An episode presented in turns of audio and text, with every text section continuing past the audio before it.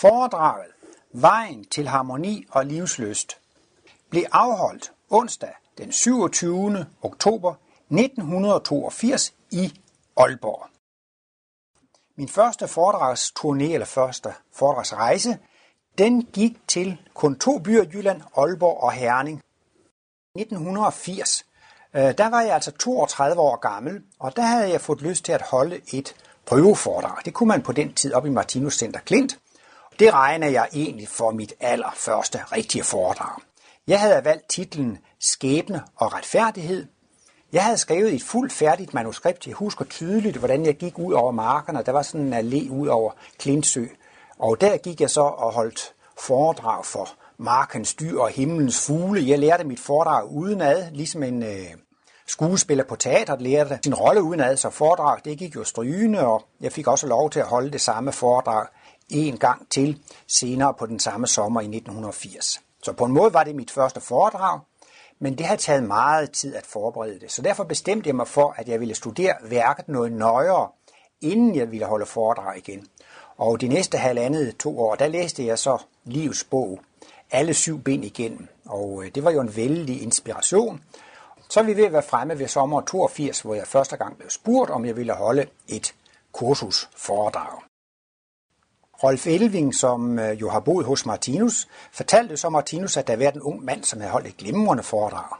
Nå, sagde Martinus, så må I jo passe godt på ham. Og det synes jeg sandelig også, at der er blevet passet godt på mig, og jeg har været meget glad og taknemmelig for, at jeg har fået lov til at virke inden for instituttets rammer. I 1984 fik jeg lov til at være med på vinterskolen og var der en 3-4 år. Har været med på mange forårskurser og efterårskurser, weekendkurser, påske og efterårsferie. For slet ikke snakke om hver eneste sommer, højsæson, de seks uger om sommeren, så jeg har haft rig lejlighed til at suge til mig, og derfor har jeg jo så også ved visse lejligheder haft lyst til at øh, give noget af det videre. Fordi det eventuelt vil øh, lytte til dette foredrag her, så kan jeg anbefale, at man finder både første symbolbog frem og anden symbolbog frem. Fordi i løbet af dette foredrag vil jeg forklare alle de symboler, hvor Martinus har indtegnet skæbne buer. Symbol nummer 15, symbol nummer 16, nummer 18, nummer 4, nummer 19, nummer 20 og nummer 23.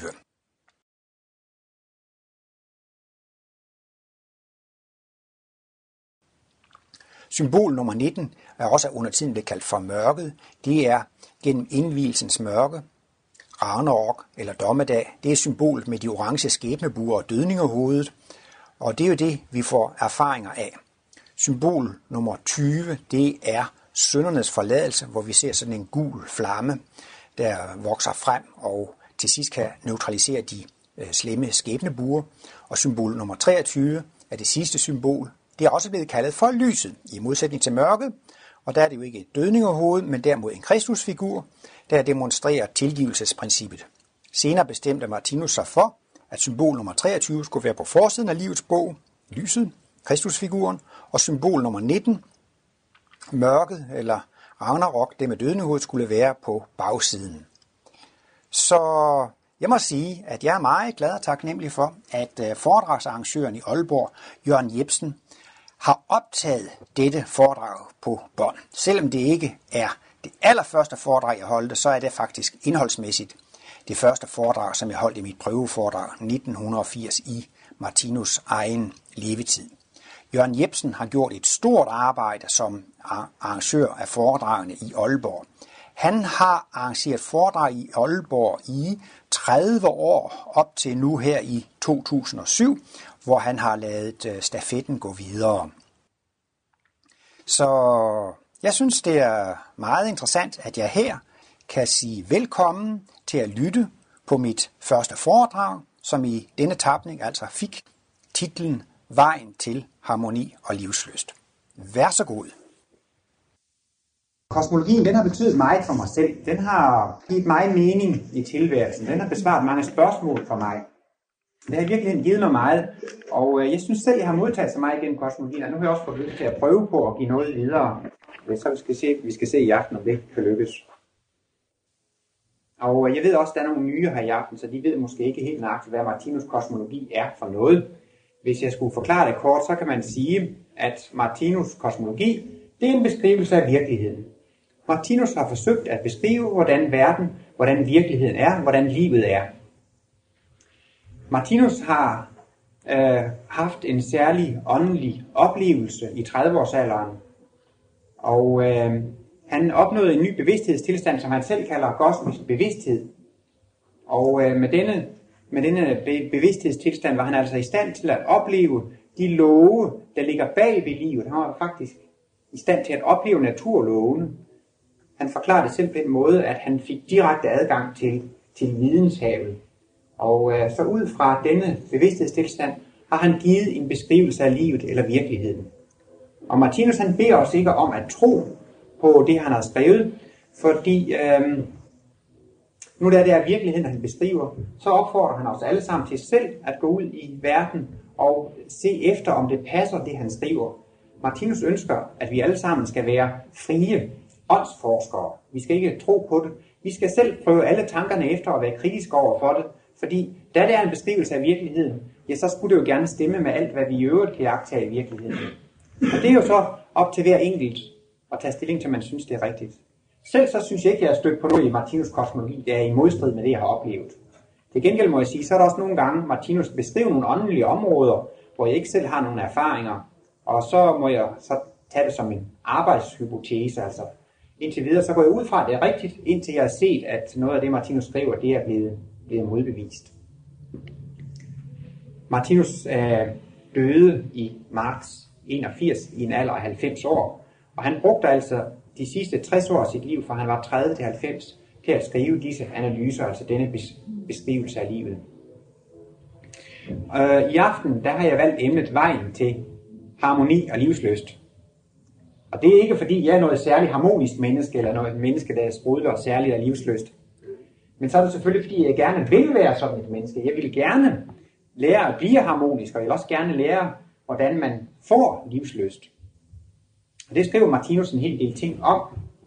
Men jeg synes alligevel, så er det mit eget liv, hvis jeg tænker 5 eller 10 år tilbage, så synes jeg, at jeg havde nogle perioder, hvor jeg var meget langt nede, og ikke havde det så godt. Og øh, for min egen del, så har Martinus kosmologi været et redskab eller et værktøj til lige så ganske langsomt at vokse frem til en større harmoni eller livsløst. Man kunne tro, at Martinus kosmologi, det var en blot og bare teori, bare en behagelig filosofi. Men øh, for mig, der har det i hvert fald været et redskab, et værktøj, og det er det efter min mening. Det er simpelthen et værktøj, et redskab til at opnå et, et, øh, et bedre liv. Og øh, ja, vi vil vel alle sammen gerne være harmoniske og, og lykkelige. Jeg tænkte også på, at man kan kalde for vejen til lykken eller, eller livsmod. Det er jo noget, vi alle sammen gerne vil have. Og jeg har da også tit haft planer om, nu vil jeg være lykkelig, og hvad skal jeg så gøre? Og så har jeg tænkt, hvad skal jeg nu gøre ved mig selv? Og så skal jeg gøre sådan ved mig selv, og så skal jeg tænke på det, og så skal jeg gøre sådan og sådan. Men det slår jo tit fejl. Og øh, det hænger sammen med, at selvfølgelig vælger man tit de forkerte midler, men i virkeligheden så tager man fat i den forkerte ende. Man skal nemlig ikke bekymre sig om, hvordan man selv bliver lykkelig. Løsningen ligger simpelthen stik modsat. Det er det paradoxale ved det, at man skal prøve at koncentrere sig om, hvordan man kan gøre andre lykkelige. Så bliver man selv automatisk lykkelig. Så det, at man koncentrerer sig på, hvordan man selv bliver lykkelig, det er faktisk en form for, for egoisme. Man skulle snarere koncentrere sig om, hvordan man gør andre lykkelige. Jeg havde tænkt mig at øh, komme med et par udtalelser af Martinus, som man jo i første omgang kunne tage som, som en påstand. Og Martinus siger, at så længe et menneske synes, at der er noget, der er forkert, så længe er det i disharmoni med livet. Det er måske sådan en, en hård påstand. Nogen synes, at der er der så mange ting, der er forkert. Men Martinus siger, at hvis der er et menneske, der synes, at der er noget, der er forkert her i livet, så er det i virkeligheden i disharmoni med livet. Så længe man kan blive bedrøvet, skuffet, irriteret, bitter, så har man ikke det rigtige syn på livet, og så har man heller ikke, så, så har man heller ikke den rigtige livsløst. Hvis man skal have livsløst og livskraft og livsmod, så drejer det sig om at have den rigtige indstilling til livet, at have den, det rigtige syn på livet. Det drejer sig om at have den rigtige indstilling, og det rigtige syn på sig selv, og det drejer sig om at have den rigtige indstilling til sine, sine omgivelser. Og øh, som verden ser ud i dag, så må man jo sige, at den er der uretfærdigt, og der sker i virkeligheden mange forkerte ting rundt omkring i verden. Altså alt, hvad der er uretfærdigt, det må jo være udtryk for, at det er forkert. Øhm, hvis vi kigger rundt i verden i dag, så kan man jo se, at der er nogle mennesker, de bliver født til stor nød og elendighed. Hvis vi kigger rundt omkring i verden, så er det jo mange mennesker, der bliver født under meget dårlige forhold. Der kan også være nogle mennesker, der bliver født blinde. De får aldrig mulighed for at se. Der kan også være folk, der er født døve. De får aldrig mulighed for at høre den skønne fuglesang. Der kan være folk, der bliver født med blændende evner, og nogle bliver født med meget dårlige evner. Og det er der vel ikke nogen, der vil påstå, at det er retfærdigt. Man kan også blive uretfærdigt behandlet på sin arbejdsplads af sin chef, af sine kollegaer, af sine ægtefæller, af børn og forældre osv. Men Martinus hævder, at alt er i virkeligheden udtryk for retfærdighed. Og øh, det vil jeg prøve at vise, på, vise ved hjælp af nogle af Martinus symboler. Martinus argumenterer for, at der i virkeligheden ikke er noget uretfærdigt i livet. At livet er 100% retfærdigt. Og dermed er der heller ikke noget, der er forkert i livet. Så længe man tror, at der er noget, der er forkert, så har man altså ikke en rigtig opfattelse af livet. Øhm, ja, jeg tror, vi vil starte med det før. Nå, det var smart. Mm. Det var knap så smart. Så. Nå ja, det er jo øhm, 100 år for Storm P's fødsel. Han er jo kommet på frimærkerne og det hele, så jeg har også taget en lille Storm P-tegning med her. Og øh, der står Storm P lige dernede i hjørnet. Og den her tegning hedder Fra vugge til grav. Og det er jo det mest almindelige syn på livet i dag, at vi kun har ét liv. Folk de går jo i almindelighed ud fra en etlivsteori, hvor vi starter her i vuggen, og så er livet en vanskelig balancegang, indtil vi til sidst når vores slutmål, og øh, kommer i graven. Og man må jo give alle de mennesker ret, der siger, at livet er tilfældigt, og livet er uretfærdigt, hvis man går ud fra denne etlivsteori. Hvis man kun har dette ene liv, så vil jeg give de folk ret, der siger, livet er tilfældigt, livet det er uretfærdigt. Og hvis man, jeg tror snart ikke, man kan forklare noget, nogen retfærdighed i livet, uden at komme ind på, at man må have flere liv. Man må se det i et større perspektiv, for at kunne forklare, at der er retfærdighed i livet.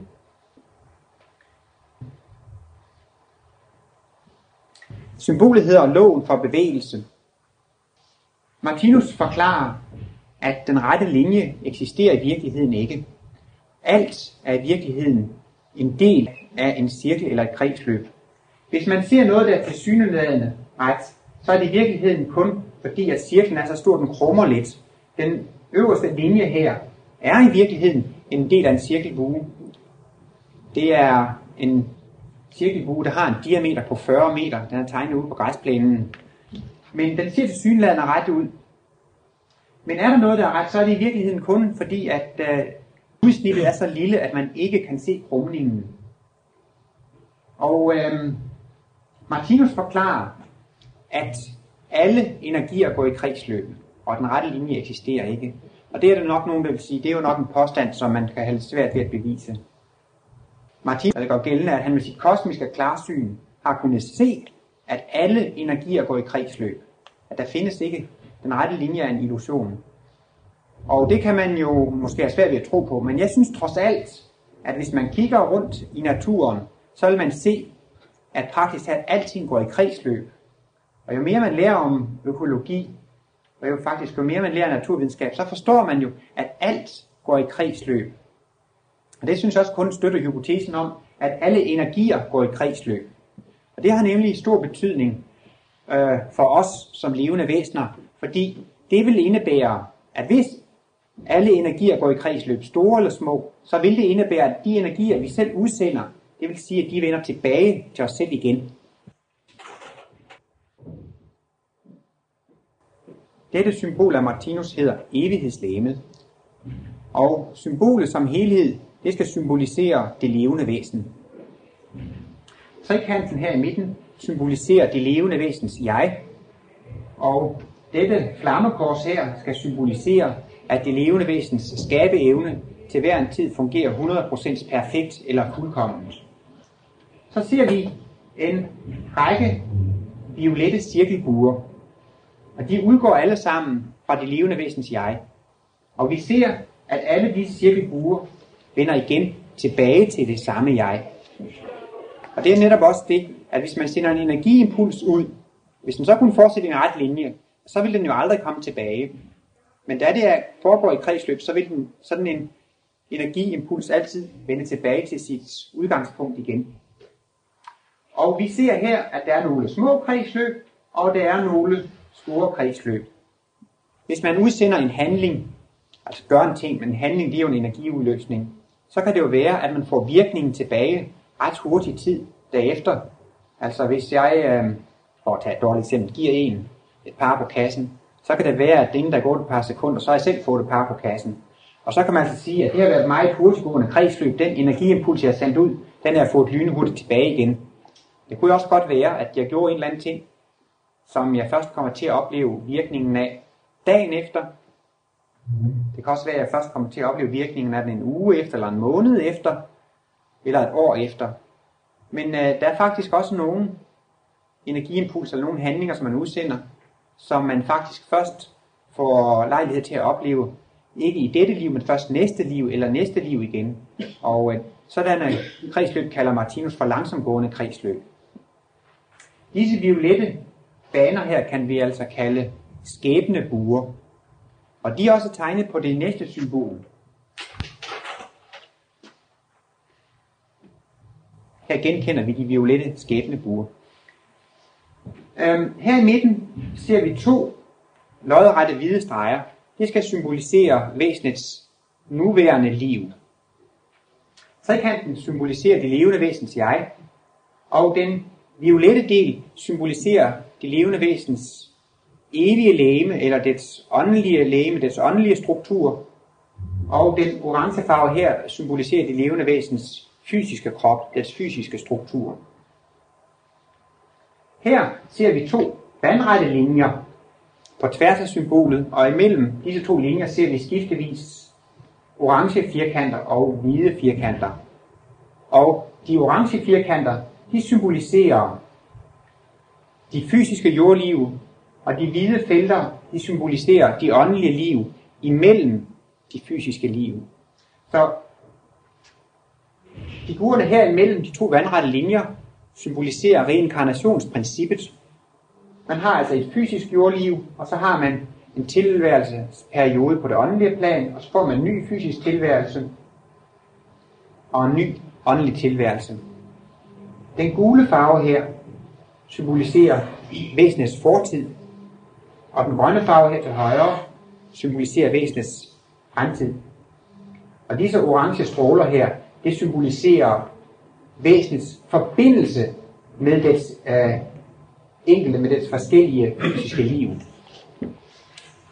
Hvis vi kigger på det nuværende liv, så kan vi se, at der bliver udsendt skæbnebuer i dette liv. De kan være så små eller hurtigt virkende, hurtigt virkende, at de virker tilbage i det samme liv. De kan gå ret hurtigt, og de kan gå ret, ret langsomt. Men vi kan også se her, at øh, denne bue her, som rammer væsentligt her, det vil altså sige, at det har en eller anden skæbne i dette liv. Det kan altså have sit udspring i et tidligere liv. Altså en ting, som det har gjort i et tidligere liv, kommer der til at opleve virkningen af i dag. Men uh, der findes også et endnu større kredsløb, sådan at det et væsen oplever i dag, det er altså ting, som det har skabt i tidligere tider. Man kan jo tit undre sig over, hvorfor man netop har den skæbne, man har, og hvorfor naboen har en helt anden skæbne. Men den skæbne, man oplever, den er altså grundlagt i tidligere liv. Så den skæbne, vi oplever i dag, er resultatet af vores tidligere handlinger. Og på samme måde, så ser vi også, at der er nogle skæbnebuer, der udgår fra dette liv, som først vender tilbage i livet efter, eller livet efter igen, eller det tredje liv efter igen.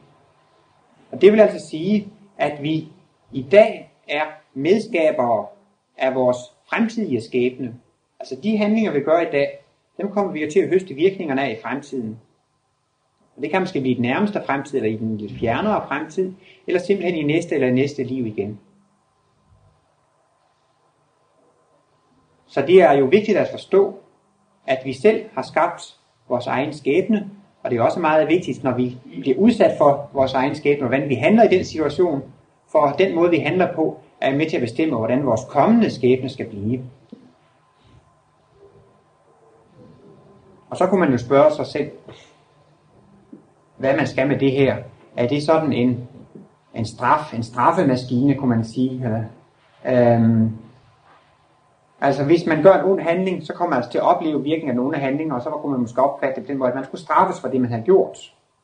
Hvis man for eksempel dræber et andet menneske, ja virkningen af sådan en handling vil jo være, at man selv bliver udsat for at blive dræbt. Så hvis man er venlig over for nogen, så møder man selvfølgelig også venlighed igen. Men især hvis man udsender onde handlinger, så bliver man også ramt af onde handlinger igen. Og det kan man jo synes, jamen det var det er jo, ja, det er jo måske meget udmærket, men det, det er altså simpelthen bare en almindelig straffemaskine. Der er også en mening med, med det hele. Og for at forstå en mening med det, så bliver man nødt til at se det hele som et led i et udviklingsforløb. Og øh, jeg tror nok, de fleste vil gå med til, at der eksisterer noget, der hedder udvikling. Skulle der egentlig være en, der påstod, at det ikke var noget, der hedder udvikling, så kan man jo sige til vedkommende, tror du virkelig, at du vil blive ved med at være lige så dum, som du er nu? Nej, det vil man jo nødt tro. Man tror da gerne, at, at man bliver lidt klogere. Og øh, man kan sige, at alt, hvad man oplever, det er et udtryk for udvikling. Hver gang vi har gjort en erfaring, hver gang vi har oplevet noget, så har vi udviklet os. Fordi så er vi blevet så meget desto klogere. Så alt, hvad vi overhovedet oplever, det er et udtryk for udvikling. Og jeg kunne vælge en række forskellige symboler, Martinus. Jeg har valgt det her symbol for at vise et udviklingsforløb. Martinus arbejder med meget store udviklingsforløb, og her ser vi endda kun et udsnit af et udviklingsforløb. Her med den indigo farve, her ser vi slutningen af et rige, som Martinus kalder særlighedsriget, et åndeligt tilværelsesplan, men det har også en ydre fysisk side, nemlig mineralriget. Og efter mineralriget, så kommer her et rige, der er symboliseret med rød farve, og det er planteriget. Hvis man skulle forestille sig sådan en, en slags overgangsform imellem, imellem mineralriget og planteriget, så kunne man måske forestille sig sådan lidt med frostblomster. Det er trods alt mineraler, men de er alligevel ved at få en vis struktur.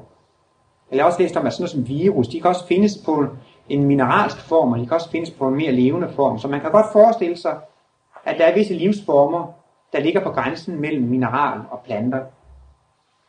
Og her har vi altså planteriget, og øh, her ved den orange stjerne, der starter et nyt rige, dyreriget. Og øh, jeg mener, hvis i skolen så lærer man jo også om Darwins udviklingsrække, der lærer man jo om, at livet det opstod i havet, det opstod nogle encellede planter, som blev til flercellede planter, og der opstod en, øh, så blev det også så udviklede der sig også dyr, og dyrene de gik i land, og udviklingen fortsatte. Og øh, det, der er så interessant ved det her, det er jo, at Martinus mener, at vi selv personligt har været med i hele den udviklingsrække. Det er altså os selv, vi har selv tidligere været abemennesker og aber og dyr og planter. Vi har selv været med i hele udviklingsrækken. Og øh, denne lodrette linje her, den symboliserer midten af dyreriget. Midten af dyreriget, det er der, hvor de allerførste primitive mennesker opstår.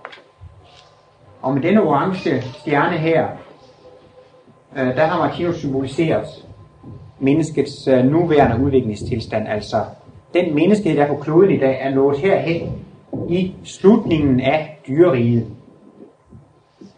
Og her med den gule farve ser vi et fremtidsrige, som Martinus kalder det rigtige menneskerige, hvor menneskene vil komme til at leve i fred og kærlighed med hinanden. Men øh, når vi ser TV-avisen, så ser vi jo nok, at vi har et stykke vej endnu til den varige fred, hvor alle lever i kærlighed med, hinanden. Og heroppe har vi en øh, femtakket stjernefigur, og den symboliserer netop, at væsenerne får deres får denne bevidsthedstilstand, som Martinus også taler om, den kosmiske bevidsthed, når man kommer til det rigtige menneskerige. Så når vi får lov til at opleve virkningerne af vores tidligere handlinger, så er det ikke fordi, vi skal straffes, men så er det fordi, vi skal lære af dem, sådan at vi kan udvikle os videre. Hvis vi aldrig nogensinde fik lov til at opleve virkningerne af vores handlinger, hvordan skulle vi så blive klogere? Hvis vi aldrig nogensinde fik lov til at opleve virkninger af vores handlinger, hvordan skulle vi så vide, hvordan vi selv virkede og hvordan vi var? Så ville man jo aldrig få noget respons på sine handlinger.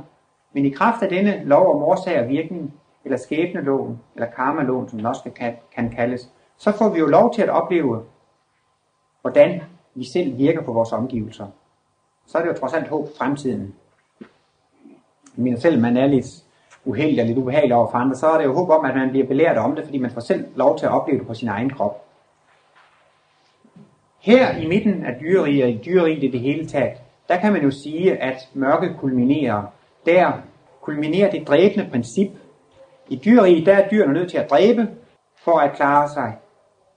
Og man kan sige, at nogle gange så kan dyrene jo nøjes med at slås om maden, men det var under tiden også en dødbringende kamp, hvor de slås om maden. Og er der ikke mere mad, så begynder de ovenikøbet at spise hinanden. Og i dyreriet, der er det jo ingen sociale foranstaltninger, ingen hjælpeforanstaltninger. I dyreriet, der gælder det om at klare sig selv. Man skal kun bekymre sig om at klare sig selv. Og derfor kulminerer egoismen eller det dræbende princip i dyreriet. Det er måske lidt uhyggeligt symbol hedder gennem indvielsens mørke. Helvede eller Ragnarok. Øh, her øh, skal de, disse buer igen symbolisere skæbnebuer. Og trekanten her symboliserer det levende væsens jeg, og hjertet her symboliserer dets organisme, så den lyse figur her som helhed symboliserer det levende væsen. Og vi ser her, at det modtager en skæbnebue, det kan man se ved den her pil, at det er noget, det modtager. Og det er altså virkningerne af en tidligere ond handling. Og det, at det er en ond handling, det kan man se, det bliver symboliseret ved, at der er en sabel her. Og så er spørgsmålet, hvordan vil dette væsen møde, øh, møde sin egen skæbne? Vil det svare igen af samme mønt, eller vil det handle anderledes? Her ser vi, at dette væsen svarer igen af samme mønt. Det vil sige, at bliver det mødt med vrede, så svarer det med vrede. Eller bliver det mødt med vold, så svarer det med vold. Det svarer på den samme måde. Og hvis man bruger den taktik, så bliver resultatet, ligesom man ser skildret her i baggrunden, så bliver det faktisk krig og død og ødelæggelse. Her, imellem de violette linjer, her ser vi igen reinkarnationsprincippet symboliseret. Men man kan jo spørge sig selv, er der dog ikke noget, er der dog ikke nogen vej ud af dette mørke? Og det er det jo netop. Netop i kraft af, at man får lov til at opleve virkningerne af ens handlinger på sin egen krop. Ja, så kommer man jo til at føle på sin egen krop. Og det vil jo sige, at når man føler på sin egen krop, så kan man også nogle gange føle for i medvæsenerne, der står i en lignende situation, og derved får man udviklet sin medfølelse. Og det øh, bevirker, at mennesket efterhånden får en stigende medfølelsesevne. Symbolet her hedder syndernes forladelse. Og jeg skal komme lidt nærmere ind på, hvorfor Martinus har kaldt det syndernes forladelse. Det han bruger det ikke i den helt samme betydning som kirken. Øhm, hvis jeg skal forklare symbolet, kan vi igen starte med de to lodrette linjer, der symboliserer det levende væsens nuværende liv. Og med den violette figur her, der symboliseres det levende væsens åndelige eller dets evige struktur, og med den orange farve har vi symboliseret det levende væsens fysiske krop. Her svarer den gule farve igen til væsenets fortid, og den grønne farve skal symbolisere væsenets fremtid. Og imellem de vandrette linjer her ser vi igen de orange felter som udtryk for det fysiske liv, og de hvide felter som udtryk for de åndelige liv, man har imellem de fysiske liv. Og det, der er meget væsentligt at hæfte sig ved på dette symbol, det er denne gule flamme. Øh, her symboliserer den gule farve følelsesenergien, eller den humane evne, eller medfølelsesevnen, eller næstekærlighedsevnen. Og vi ser altså, at den er under tiltagende i løbet af udviklingen. Og det hænger altså sammen med, som jeg sagde før, man får lov til at føle virkningerne af sine egne handlinger på sin egen krop.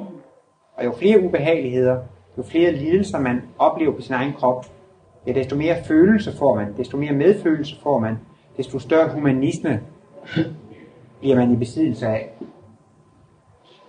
Her skal vi hæfte os ved disse orangefarvede skæbnebuer, som igen kan være udtryk for en ond handling. Her kunne det fx også være tale om et drab. Hvis man i dette liv slår et andet menneske ihjel, ja, så risikerer man meget nemt selv at blive slået ihjel. Det sker jo for eksempel meget ofte i form af en dødsdom, men det kan også ske i en krig, hvor man selv bliver slået ihjel ret hurtigt efter. Det kan også være, at man bliver slået ihjel af en anden årsag på et senere, senere tidspunkt. Vi ser her med de sorte rødder her, at skæbnen slår tilbage med fuld kraft.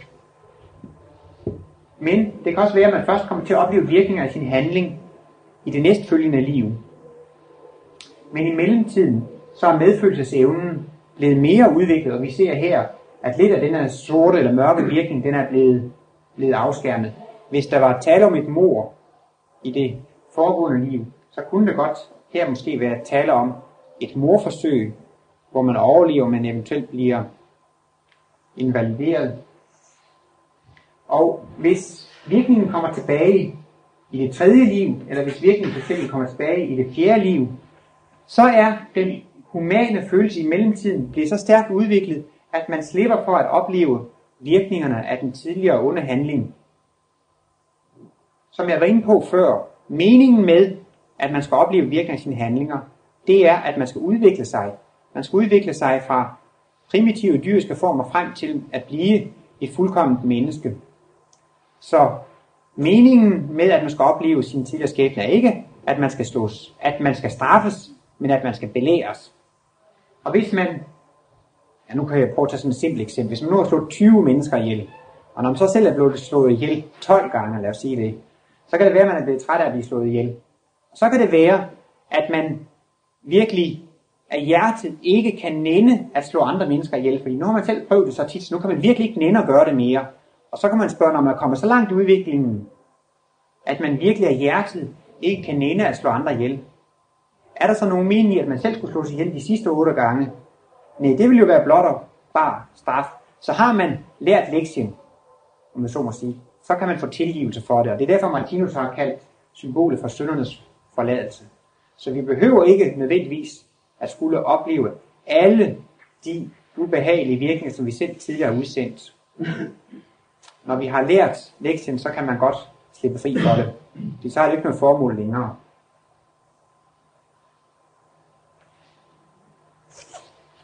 Og når man til sidst igennem udviklingen udvikler sig frem til at blive et fuldkomment menneske. Ja, her har Tinus øh, tegnet et kristuslignende væsen, og øh, som symbol på det fuldkommende væsen. Her ser vi igen trekanten, der er symbolet på det levende væsens jeg, og hjertet her er symbol for dets organismer, altså det her som helhed for det levende væsen.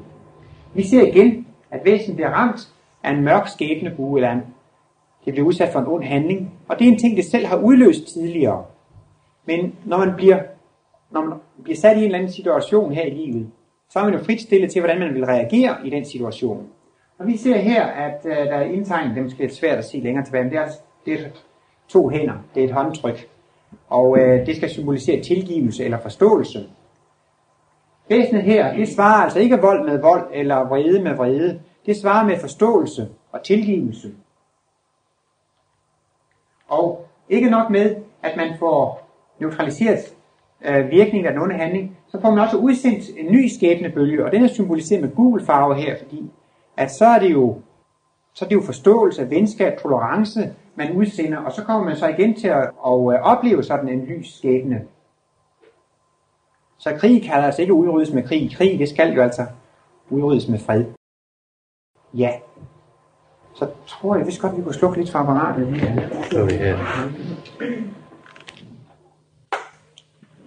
Ja, nu vil jeg gerne tilbage til emnet. Eller, så, ja, jeg har selvfølgelig beskæftiget mig med emnet hele tiden, men altså, titlen, det var jo Vejen til harmoni og livsløst.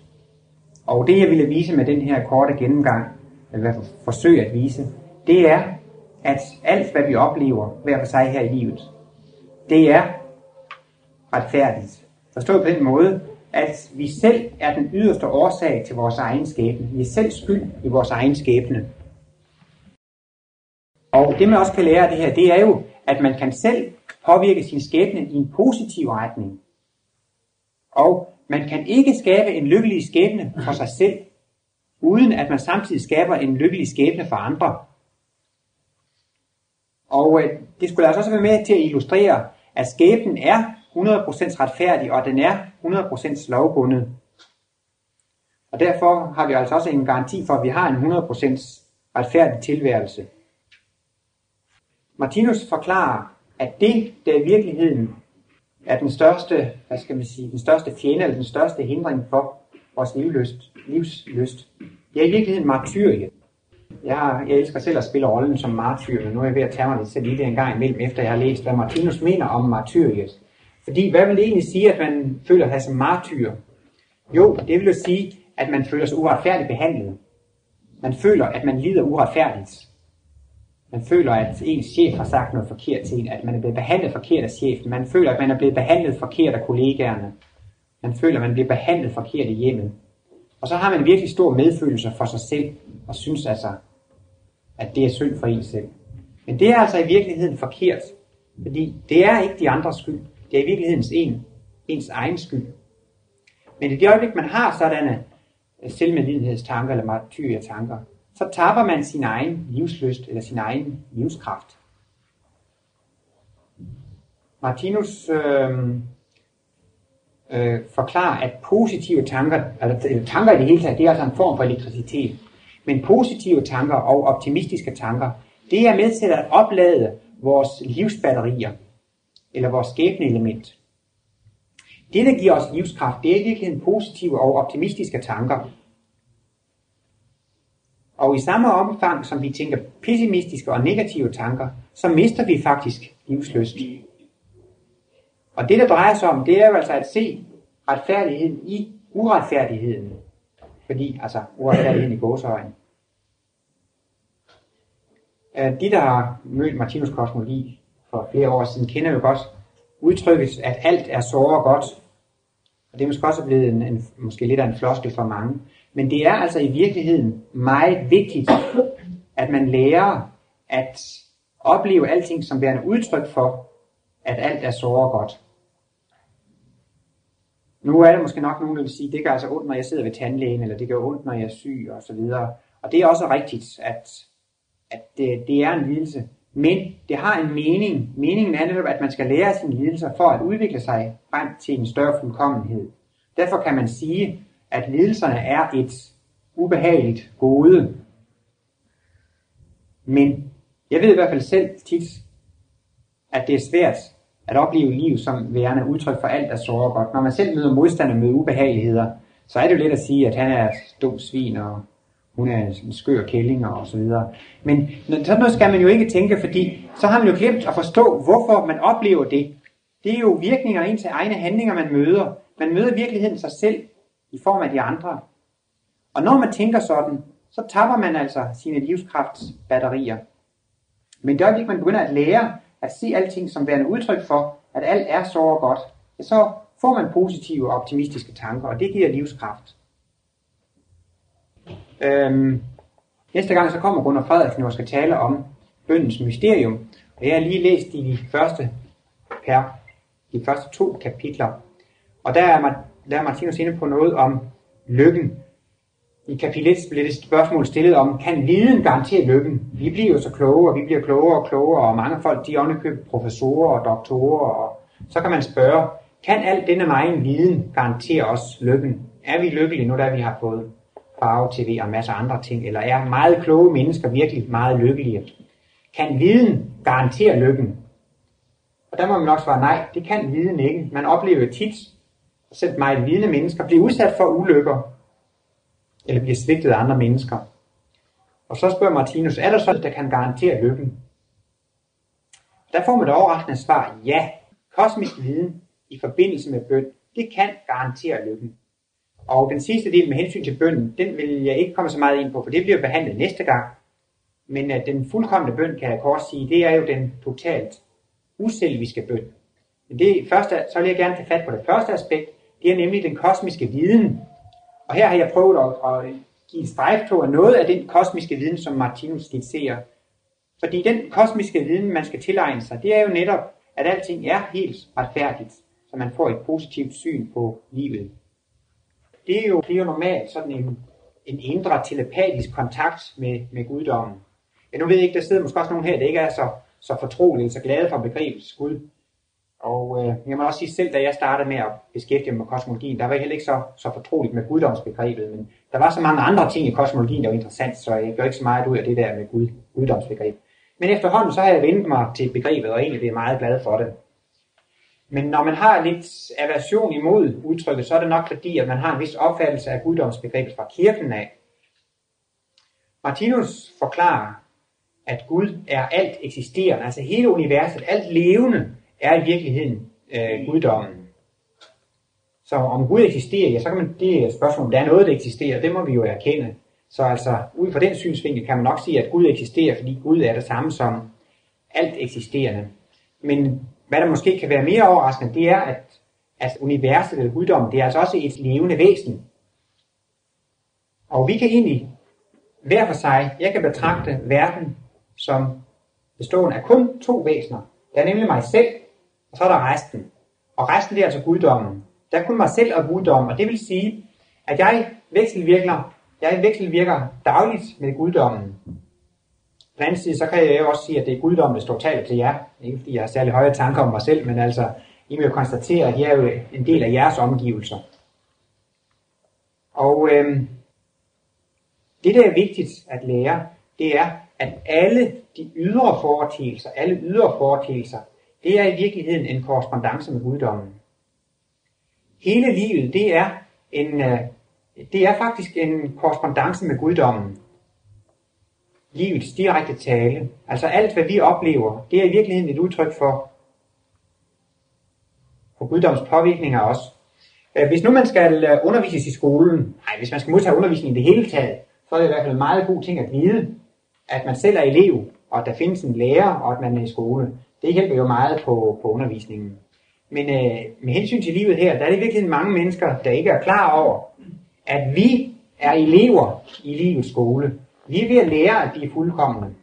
Og læren, det er i virkeligheden guddommen. Det vil altså sige, det er alle vores omgivelser. Og i skolen, der har man jo klasseundervisning. Der er der 20 børn, der får den samme undervisning. Men her i livets skole, der er der altså virkelig, der er der virkelig service, det er særundervisning. Vi får altså lige nøjagtigt hver eneste af os den helt personlige belæring eller undervisning, vi skal have. Det kan jo være svært at forstå denne, denne, denne påvirkning eller denne korrespondence med guddommen. Altså, det der er vigtigt at lære sig, det er, hvad vil guddommen sige, eller hvad med alt det, jeg oplever? Eller hvordan skal jeg forstå meningen med alt det, jeg oplever? Hvordan skal jeg forstå meningen med livet?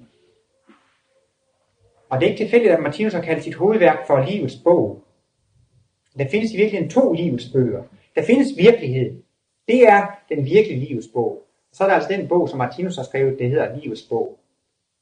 Og den bog, der er skrevet af Martinus livets bog, det er altså en bog, som vi skal lære for at forstå meningen med det virkelige liv. Hvis vi skal lære læse en kinesisk bog, så er det for, formentlig for de fleste af os kun være tryksværter, når vi kigger i sådan en kinesisk bog. Fordi vi forstår ikke de kinesiske sprog. Vi er nødt til at lære os sproget, før vi kan forstå en kinesisk bog. Og sådan er det i virkeligheden også med livet, at vi er nødt til at lære at forstå livets sprog, før vi kan forstå meningen med livet. Og der er Martinus kosmologi altså en udmærket øh, belæring i, hvordan man skal lære, hvordan man skal lære at forstå meningen med livet. Alt, hvad vi personligt oplever, det har altså en betydning eller en mening. Og øh, jeg har tænkt på at give sådan et par personlige små eksempler på det, fordi jeg har jo tænkt lidt på det her, og der er jo tit, man standser op. Det er jo især, når man møder lidt modgang, eller man bliver lidt irriteret eller skuffet, så begynder man at spørge sig selv, sig mig, hvorfor skulle jeg egentlig opleve det her? Hvad er egentlig meningen med det her? Og det er jo så spørger sig om, det er jo egentlig virkelig, hvad er det, guddommen prøver på at fortælle mig her i min udvikling? Og jeg vil starte med et eksempel, som jeg egentlig ikke selv er så stolt af, det skulle man ikke fortælle om i offentlige forsamlinger, men nu gør jeg det alligevel, fordi jeg synes, det er et godt eksempel. Jeg fik engang et brev, og så havde postvæsenet glemt at stemple frimærket. Så tænkte jeg, åh jamen det frimærke, det kan man da bruge igen, fordi det er ikke stemplet, så det brugte jeg igen. Men så var det sørme ikke, jeg tror kun det var i tre dage eller sådan noget, så fik jeg et brev ind af brevsprækken.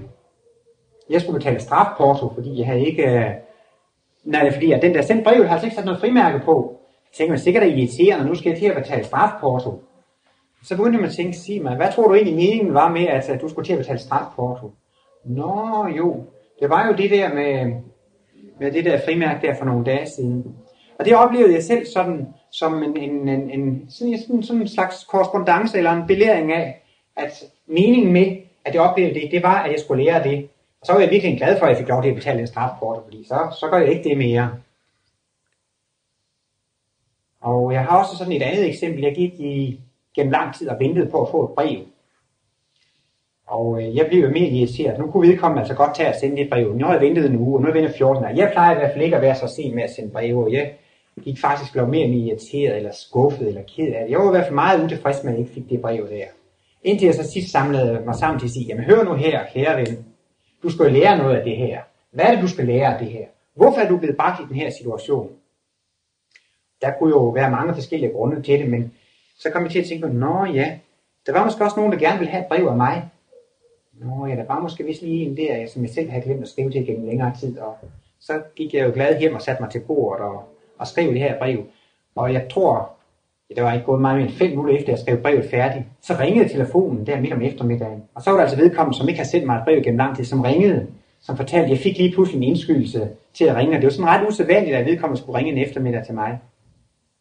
Og der synes jeg også selv, altså for mig selv, der var det også sådan en, et udmærket eksempel på, at der gik man og blev irriteret og vred på livet. Men, og det tapper bare ens kræfter og ens livsløst. Men derfor skal man prøve at forstå meningen med livet. Hvad var nu meningen med, at jeg skulle bringes i den situation?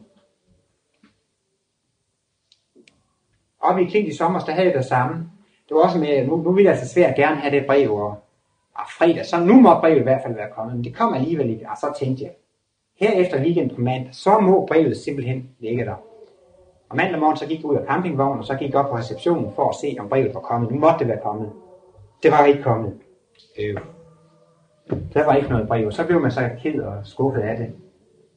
Men uh, nu står jeg selv og fortæller om, at alt her i livet, det er jo retfærdigt, og man skal ikke blive skuffet og sådan noget. Så jeg prøvede virkelig også at tage mig sammen. Nå ja, du skal lære noget af det her. Og du skal ikke være ked af, du skal ikke være bebrejde vedkommende, at ikke har sendt et brev. Fordi det er jo kun noget, du selv har undladt en anden gang. Du skal kun være glad for, at du får lov til at opleve, hvordan du har været mod andre. Og jeg gik sådan og tænkte helt rigtigt på det, som man øh, jo prøver på at gøre, når man er oppe i klinter. Til sidst så blev jeg helt glad for det. Det var jo helt fint ikke at få det brev. Nu havde jeg lige nøjagtigt fået den belæring og den lektie, jeg skulle have. Så gik jeg tilbage til campingvognen, og da jeg åbnede døren, så min satten, så lå brevet der i campingvognen. Men øh, det var ikke frankeret. Så var der så altså en fra Sverige, som har haft brevet med, og vedkommende sådan på den måde, der kan man godt sådan selv fornemme, at når man prøver på at finde en mening med livet og går og tænker over det, så får man også et svar, når man begynder at gå og tænke over det. Men det er jo lidt usædvanligt at se sådan på livet, at man er, hele tiden er i en belæringssituation. Men som sagt, det fremmer i undervisningen meget, at man selv er klar over, at man er elev. Og livet er læreren. Altså man kan sige, livet eller naturen, det er lærermesteren. Eller guddommen er lærermesteren, når man selv eleven. Jeg har sådan set også flere eksempler. Øhm, det man skal lære, det er jo også, at man skal lære at hjælpe andre. Og øhm, de, de fleste af jer har jo nok hørt om, om indlæringens tre stadier, men jeg vil gerne lige repetere det kort. Der er noget, der er A-viden, B-viden og C-viden. Det er indlæringens tre stadier. Nå, og A-stadiet, det er det første stadium. Det er det stadium, hvor man nær ønske om at lære noget. Der har man ønsket eller begæret efter at lære noget. Og B-stadiet, der er man altså kommet så langt i læreprocessen, at man er begyndt at øve sig, bevidst øve sig. Og når man er kommet til C-stadiet, så kan man det mere eller mindre automatisk. Så er det på automatstadiet eller på det geniale stadium. Hvis man skulle give et eksempel, så kunne man tage sådan noget som et kørekort. A-stadiet så starter med, at man gerne vil have et kørekort, og man læser om det. Og, og B-stadiet, så begynder man at have køretimer. Så skal man hele tiden til at tænke over, nu skal jeg trække koblingen ned og skifte gear, og man tænker meget over det. Og så en dag, så er man rutineret ved så sidder man og snakker, og man tænker slet ikke over, at man trykker koblingen ind og, og skifter gear. Eller det kan være ønsker om at lære at spille et instrument, så kommer der meget lang øvelsesperiode.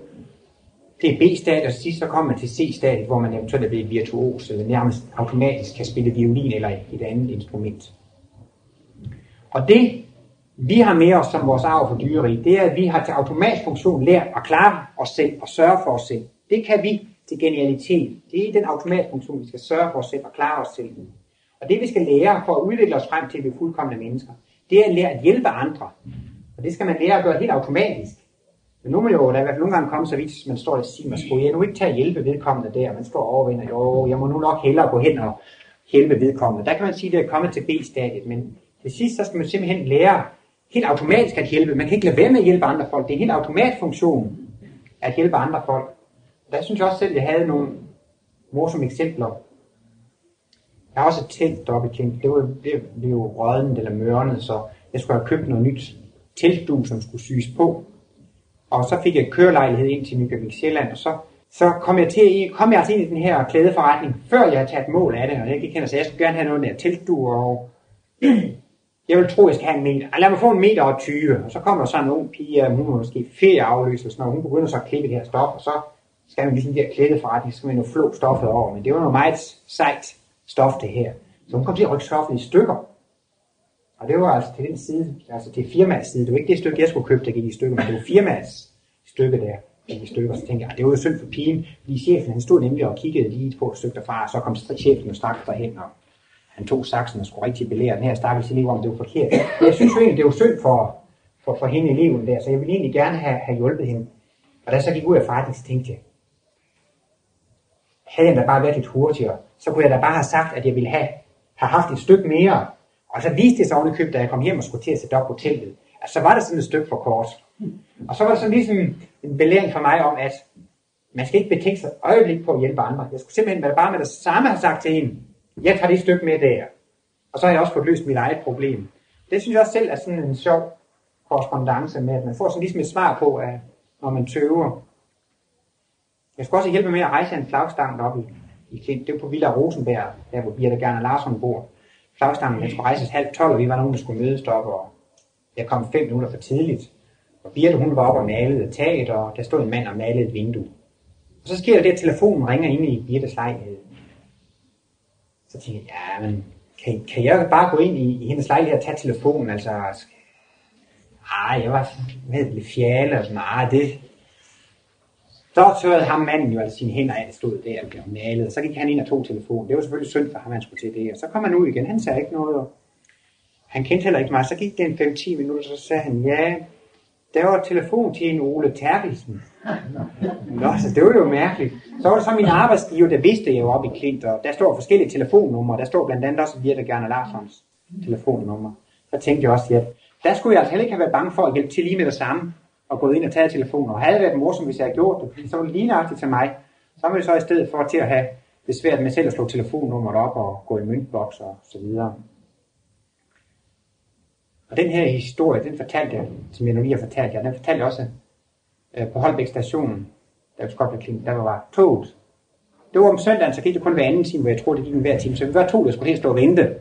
Og jeg havde jo fortalt alle de her historier. Nu havde jeg virkelig lært, at nu skulle man ikke betænke sig et øjeblik på at hjælpe. Man skulle træde til med det samme, og det stod øh, lige at afslutte den historie, mens vi tog bagagen ud af de der bagagebokser, der var der. Så min satan, så ringer telefonen der på banegården, ved siden af bagageboksen. Så står telefonen bare og ringer, og jeg kigger rundt, og mm, der var åbenbart ikke nogen, der skulle have telefonen, og ah, tænkte jeg, man kan da ikke bare sådan... Og så var jeg alligevel for langsom igen, så så hende den svenske pige, så gik hun altså hen og tog telefonen, og så var der så nogen, der ringede og spurgte, om vi ikke kunne se en lille rødhåret dreng med briller på syv år der på stationen, for de kiggede efter ham. Men han var der ikke. Og der så jeg alligevel, jeg havde stadig ikke rigtig lært at, at, at gøre det hurtigt nok. Men jeg, med de her eksempler, der synes jeg selv, at det er sjovt at se, at man i virkeligheden lever i sådan en, en, en, en evig, en, en, en stadig i øh, belæringssituation. Og øh, jeg synes selv, at det er en hjælp til at se lidt mere positivt på livet, fordi at når man møder modgang og besværligheder, så er det altså en meget sund tanke, at prøve at overveje, hvorfor, jeg lærer, hvorfor oplever jeg det her, hvad er det, jeg skal lære af det her. Og med de her eksempler, så vil jeg bare vise, at jeg synes nogle gange, altså, så får man faktisk ret hurtigt svar på, hvad det er, man skal lære, når man begynder at, at tænke over det. Der er jo også lidt spørgsmål bagefter, så jeg tror, jeg vil runde foredraget af her sådan, med at konkludere eller resumere, at altså det, der fører til harmoni og livsløst. Det er positive og øhm, optimistiske tanker. Det, der fører til harmoni og livsløst, det er, at man kan se alt i det daglige liv som et udtryk for, at alt er såre godt. Alt, hvad man oplever af behagelighed og ubehageligheder, kan se det som et udtryk for, at alt er såre godt. Og især hvis man kan se de ubehagelige ting som en kærlig belæring, så er man godt på vej til at helt automatisk at få en god portion livsløst og livskraft. Eller man kan også sige simpelthen dette at praktisere næste kærlighed i hverdagen. Det der at være hjælpsom og kærlig og human. Det er vejen til harmoni og livsløst.